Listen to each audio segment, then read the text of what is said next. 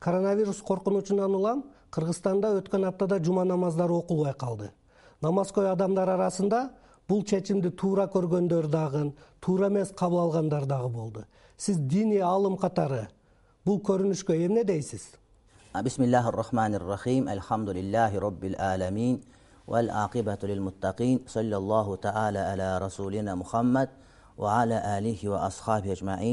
алейкум ва рахматуллахи ва баракатуху ушундай учурда мүмкүнчүлүк бергениңиздерге чоң ыраазычылык билдирем. Чындыгында биздин элдин диний сабатынын төмөндүгү э, мына ушул маселени бир канча оожалтып жиберди көрүнөт. Анткени биздин фых китептерибизде эгерде жамгыр катуу жаап көз ачып ачтырбай жамгыр жаап калса же болбосо өтө катуу баткак болуп кеткен учурларда намазды үйүңөрдө окугула жума менен жамаатты ошол кайсы бир себептерден тыйганга болот деп айтылынган ошол осуяттар айтылат ал эмес пайгамбарыбыз алейхисалам өзүнүн осуятында ушундай бир илдет тараган учурда үйдө олтуруу жөн эле жамбаштап жатуу үйдө көчөгө чыкпай олтуруу бул шейиттикке барабар деп сооптуу иш катары сыпатталгандыгы имам бухаринин китебинде келет. Башында аалымдар кеңеши дагы муфтият дагы коронавирус илдетине байланыштуу жума намаздарынды токтотпой эле турушту. Бирок илдет күчөп кеткенден кийин ушу жума намаздарды токтотуп турууну туруу боюнча чечимдерди кабыл алышты. Бул чечим өз убагында эле кабыл алындыбы же биз бир аз кечигип калдыкпы? Ошол мындай бир э, убагы келгенде сааты келгенде мечиттер дагы мектептер дагы ошол медреселер дагы жабылат деген буйрукта камтылынган уламалар кеңешинин фатвасында ошондуктан мен ойлойм өз убагында болду. Анткени ушул күнгө чейин э, мына мечиттерде эч кандай проблема катталган жери жок. Ошол э, мечиттер тазалануу дезинфекция иштери жүргүзүлдү. Мен ойлойм өз убагында кабыл алдым деп. Сиздин дүйнөдөгү маалыматтарга жалпы тенденциялардан да кабарыңыз бар экендигин билебиз. Ушул маалыматтарга ылайык бир гана биздин өлкөдө эмес жалпы кабадагы мечит дагы өз ишин убактылуу токтотту саудия бийлиги бул мечитти жабууда кандай жүйөлөргө таянды деп ойлойсуз? Э, кабадагы мечиттин өкүмү мечит катарында дүйнөдөгү эң чоң эң кичине мечиттердин баардыгы бирдей өкүмдө. Эгерде ошол коомчулук адамдарга оору жугуштуу же болбосо ушул сыяктуу башка проблемалуу маселелер адамдын өмүрүнө адамдын абийирине тийип кала турган учурларда э, жумалар менен жамааттардын токтолуусу кадимки көрүнүш. Тарыхка карай турган болсок бул э, каба мечитинин э, харам мечитинин биринчи жолу жабылып калышы эмес буга чейин бир канча ирет жабылынган ар кандай учурларда. А бирок эгерде зыяны тийбей калган болсо кандай гана кыйынчылык болбосун ал жабылган эмес. Мисалы үчүн топон суу алган учурда чабак таваф кылып жүргөн учурлар ал эме сүрөттөр сакталып калган. А бирок ден соолукка зыян болгон коркунуч келген учурда ошол ислам тарыхында каба мечити бир канча ирет жабылган. Азыр өкмөт мына коронавирустан кутулуунун жолу катары жеке адамдардын байланыштарын чектеп бири бири менен мамилелерин азайтууну айтып жатат. Бирок кээ бир жарандарыбыздын арасында оорудан өлөсүңбү же коронавирустан өлөсүңбү бул баардыгы жараткандын колунда деп деген ойго жетеленип жаткандыгы дагы белгилүү. Ушул өңүттөн алып караганда исламда адамдын ден соолугуна саламаттыгына карата кандай ой пикирлер айтылып калган пайгамбарыбыз алейхисаламдын осуятына сөзсүз түрдө биз кулак салышыбыз керек. Ал осуятта айтылынат оорулуу жаткан бөлмөгө соо адамды киргизбегиле деп айткан. Ал эми башка бир осуятта булардын баары сахих хадистер. Эгерде кайсы бир шаарда тумоо чыккандыгын жалпы илдет Э, таажы илдет сыяктуу илдеттер чыккандыгын ылаң чыккандыгын билсеңер мына ошол жерге э, кирбегиле эгерде ошол жерде боло турган болсоңор анда ал жерден чыгып кетпегиле тагыраак айтканда башка бирөөлөргө оорунун залалдарын жеткирбегиле деген пайгамбарыбыздын осуяты бар. Дагы деле ошол жанагы диний сабатсыздыкка келип такалат. Албетте э, кайсы нерседен өлөбүз кимге оору жугат кимге жукпайт ал кудайдын иши. Бирок сактануу бул биздин мойнубуздагы милдет. Сактансаң сактаармын деп айтылынган сөз ошол өзүнүн дагы деле актуалдуулугун жоготпой келет демек мына биз э, мындай бир ушул учурларда муфтият молдокелерибиз баш болуп мусулмандардын жанагыдай бир э, диний сабатын жоюуга көпкө аракет кылышыбыз керек. Мисалы үчүн айтылынган сөз өтө чоң сөз да. Мисалы үчүн кыргыздын өзүнүн философиясында эң жыргал жашоо жамбаштап жатсаң сонунда деп. Бирок ошол азыр ошо кыргызга дал келгенде ошо болду. Биз азыр элге тийгизген пайдабыз э, мамлекетке кошкон салымыбыз ошол үйдө жамбаштап жатып эле жатып бергенибиз болуп калды да. Мындай бир таразага салганда көптөгөн соопторду басып өтө турган чоң сооп ошондуктан айтып аткан кээ бир мусулмандардын же болбосо жанагыдай себептерин карманбай эле кудайым берсе өлөбүз болбосо мындай кылабыз деп көчөгө чыгып аткандар албетте булар пайгамбардын осуятын туура эмес кармап атат. Мусулманчылык үгүт насаатка мусулманчылык таалимдерге бул каршы. Мына ошону көбүрөөк түшүндүрүшүбүз керек. Мечиттер мектептер жабылган менен бирок онлайн режимде сөзсүз түрдө муфтият иштеш керек аалымдар кеңешинин баардыгы иштеш керек. Э, мечиттер жанагыдай э, жуманы онлайн окуганга сунуштабайт элек. Бирок ошол жума күндөрү ар бир күнү колунан келген баардык ошол диний адамдар жапырт түрдө жанагыдай ликпездерди уюштуруп онлайн аркылуу адамдарга туура багыттарды бергенге биз мен ойлойм милдеттүүбүз деп. Кыргыз өкмөтү коронавирус келип калбасын деп жакшы эле иш аракеттерди көрүп жаткан. Ушул илдет тараган кытай европа мамлекеттерин жакшы эле жаап жатты бирок илдет күтүлбөгөн жерден мына сауд аравиясына умра зыяратына барган биздин жарандарыбыздын арасынан чыгып калды тилекке каршы. Ошондо бул өкмөттүн шалаакылыгыбы же зыяратчыларга кемчилиги болуп калдыбы. Илдет бизге жукпайт дегендей мыйзам баардыгына бирдей болуш керек. Жанагы сөз бар го падыша бол кайрычы бол баары бир өлүм үчүн бирдей сенин катарың дегендей мыйзам падышабы кайрычыбы ажыбы ажы эмес баардыгына бирдей болуш керек. Алар ыйык жерден келди деп ошол жерде келгендигин бетине тосуп алып ошону менен текшертпей койгонго моюн бербеш керек сөзсүз түрдө ошол тиешелүү органдар текшериш керек.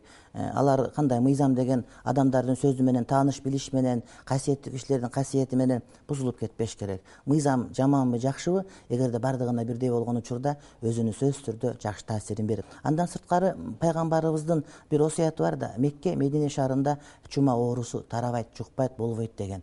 А бирок ушуну көп адамдар чума оорусу деп чума оорусунан башка оорулардын баардыгына жалпылай кармап алгандыгы албетте бул туура эмес. Ошондуктан мекке шаарында медине шаарында чума оорусунан башка оорулар сөзсүз түрдө жайылышы тарашы ошол жердин адамдары ооруш толук түрдө мүмкүн. Ошондуктан сауд аравиясы мына ушундай чечимдерди кабыл алып турат. Мына кечөө аларда жанагыдай коменданттык саат кабыл алынды. Сауд аравиясында бизде мына эртеңден баштап кабыл алынган турат сегизден баштап. Өкмөт умрадан келген биздин жарандарды карантинге алдык деп эле айтып жатышты. Бирок ушул биздин зыяратчылар үйлөрүнө келгенден кийин ондогон жүздөгөн адамдарды чакырып ажы тойлорду беришти. Бул өз кезегинде парламенттин жыйынында дагы айтылды. Э, андан кийин динде ислам дининде ушул зыяратчыларга тиешелүү кандайдыр бир чектөөлөр барбы же жокпу?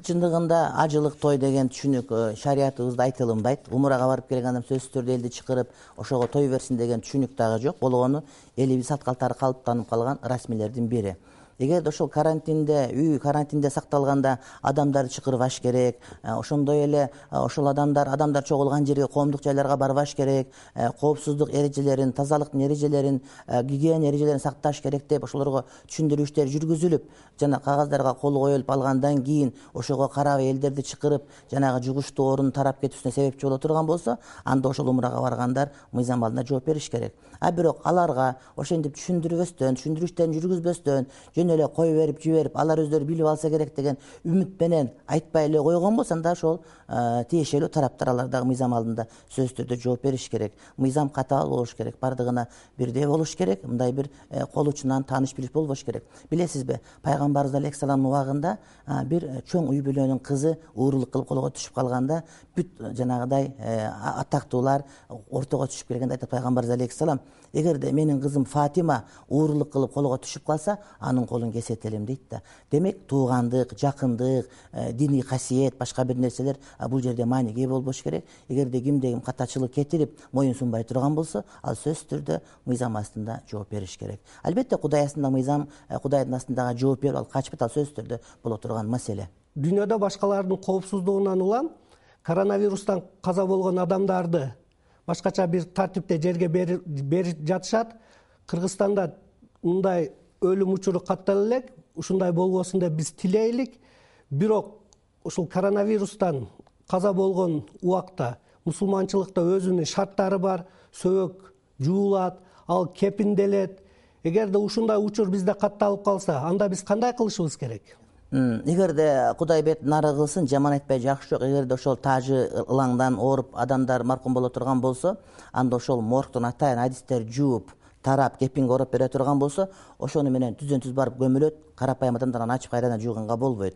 Эгерде моргтон жуугандан баш тартышса биз жуубайбыз дешсе анда ошол врачтар кие турган атайын адистер кие турган кийимдерди кийип колдоруна медициналык кол каптарды кийип беттерин тоскондон кийин гана колун тийгизбестен ошол сууну сээп же болбосо шланганы өзү менен жууп коюу болот. Бирок биз сунуш кылабыз. Мүмкүн болушунча ошол атайын дарыгерлер маркумдар сактаган жерден жууп дарылап ошондой эле ошолор жанагы кепинге ороп бергенден кийин апарып жаназаны алыстан гана окуп үч төрт метрден. Андан кийин э, кадимгидей апарып көмгөндү биз туура деп билет элек. Ошол учурда аны өрттөп жибергенге башка кылганга шариятыбыз жол бербейт. Болгону ошол э, медицина э, талаптарына ылайык келген абалда гана баардыгы жуулуш керек. Бүткүл дүйнөдө жаралган ушундай оор кырдаал учурунда мечиттерде жүздөгөн адамдарга насаат айткан биздин имамдар дагы ушул кырдаал жаралган учурда үйдө отуруп эле онлайн түрүндө ушул өзүнүн диндар адамдарга насаат айтса болобу ошол биздин врачтар кечки айтып аткан жанагыдай шарттарды дагы түшүндүрүп сабактарга бул кошулуп айтылыш керек антисептикалык каражаттарды кантип колдонуш керек колду кантип сабын менен жууш керек ошондой эле үйдөгү мисалы үчүн э, эшиктин туткаларын кандай жуушубуз керек жана башка жана башка майда чүйдөсүнө чейин ошону шариаттын милдети катарында айтыш керек. Анткени э, куранда башка бир аят келет билбесеңер билгендерден сурагыла деп. Мына ушул учурда оорудан сактануунун э, жолдорун үйрөнүүнү молдолордон эмес балким ошол врачтардын өзүнөн сурашыбыз керек жана ошолордун айткандарын биз так аткарышыбыз керек. Анан кээ бир учурда жанагы спирт кошулган нерселер менен колду жууганга болобу жокпу. Жана башка деген суроолорду берип калып жүрүшөт. Албетте сөзсүз түрдө колдонуш керек. Анткени ошол нерсени эгерде бизге дарыгерлер айтып аткан болсо антда аткаруу биздин мойнубуздагы милдет болуп эсептелет. Э, бирибизге бирибиз багыт бериш керек. Мисалы үчүн мен көчөдө кетип атсам ажеке деп келип колун сунганда эле колумду көтөрүп э, рахмат ушинтип учурашуу жетиштүү деп айтсам э, кээ бирлер терс кабыл алышат да эмнеге сиз коркосузбу деп. Мен айтайм мен корком анткени пайгамбарыбыз алейхисалам ушундай тартиптерди сактагыла деп бизге буйрук берген деп. Демек ар бирибиз сүйлөгөн сөзүбүз менен кылган эткенибиз менен жардам беришибиз керек. Өлкөбүздүн айрым аймактарында учурда дааватка чыккан адамдар бар экен. Алар ооруканада жатса дагы айланасындагы адамдарды чогултуп алып даават айтып жатышат. Динде хадистерде ушундай бир коркунучтуу абал жаралганда кандай бир чектөөлөр бир коюлганбы шариятта күнөө болуп эсептелет. Бул боюнча ушул муфтийдин кайрылуусунда уламалар кеңешинин өзүнүн чыгарган кайрылуусунда айтылынган дааватка убактылуу чектөө киргизилиш керек. Толук чектөө киргизилген жер жок дааватка жумага жамаатка баарына чектөө киргизилген тартиптер сакталыш керек. Эгерде тартиптерди бузуу катталган болсо ага түшүндүрүштөр жүргүзүлүш керек жана ошондой эле ылайык чаралар көрүлүш керек сөзсүз түрдө. Бул динге туура келбеген жорук азыр оору умра зыяратынан келгендерден чыккандан кийин аларга каршы кандайдыр бир сын жек көрүү сезимдери коомдо пайда боло баштады. Ушул убакта мечиттердин имамдары диний аалымдар ушул көз караштардан арылуу үчүн кандайдыр бир адекваттуу ойлорду жакшы бир пикирлерди кантип калыптандырса болот эми азыркы учурда умрага барып келгендерди ошол жектеп ошол эле учурда э, умранын умрачылар эмес умранын өзүнө диндин өзүнө ал эмес улук кудайдын өзүнө дагы сөз тийип кетип аткан э, түшүнүктөр окуп калып атабыз ага биз мындай бир сабырдуулук менен мамиле кылышыбыз керек жана баардык жарандарды ушул нерсеге биз чакырабыз. Ар бир адам кылган эткени сөзсүз түрдө жооп берет деп. Анан эми мынагы ошол умрага барып келген адамдардан чыгып аткан оору башка тараптардан эмес. Бул мен ойлойм ошол мусулмандарга дагы өзгөчө ирет эскертүү болду болуш керек. Анткени ошол э, мындай бир биз мусулманбыз биз деген биз болбосок силер жакшы болбойт элеңер деп адамдар мусулманчылыгы менен мактанып адамдар мусулманчылыгы менен э, башкалардан өзүн жогорураак сезип ала турган түшүнүктөн дагы бир сыйра эленип ошондон кийин биздеги туура эмес түшүнүктөр түздөлүп кала турган бир жакшы сезим берилдиби деп мен ойлойм да. Эми кудайым сактасын кандай болгондо дагы мен баардык мусулман журтчулукту карапайым калктын баардыгын ынтымакка чакырат элем. Бул деген жана кыргызда жакшы бир кеп бар да таба кылбай тобо кыл деген. Башка бирөөнүн башына келген бале биздин башыбызга келип калышы мүмкүн. Мына кытайды шылдыңдап аткандар чыкты эле башканы шылдыңдап чыккан болчу. Бирок ошол маселе биздин башыбызга келгенде эми кантип айтышыбыз керек деген маселе. Коронавирус жылдын башынан эле бүткүл дүйнөдөгү элдердин үрөйүн учура баштады. Февраль айынын этегинде дүйнөлүк саламаттык сактоо уюму эл аралык уюмдар четке чыкпай ушул коронавируска каршы эрежелерди сактагыла деп айтышты. Бирок тилекке каршы ушул убакта эле биздин көптөгөн жарандар умра зыяратына чыгышып кеткен. Ушул умра зыяратындагы жоопкерчилик жалпы эле аларды алып баруу кимдин милдети? Негизи сауд аравиясы же кыргыз өлкөсү карантин жарыялап жарандардын чыгып кетүүсүнө же жарандардын кирүүсүнө тыюу салынган болсо булардын баардыгы болмок эмес. Эгер андай болгондо ошого жарыялангандыгына карабастан чыгып кетсе анда алып барган ошол адамдар сөзсүз түрдө тараптар жооп бериши э, милдеттүү болуп эсептелет деп айтсак туура болот да анан бул жерде бирөөнү күнөөлөштүн кереги жок. Анткени булар барган учурдан э, кирип кеткенден кийин бир күндөн кийин сауд аравиясы умрачыларды токтоткон. Булар тыюу салынган убакта кирген эмес.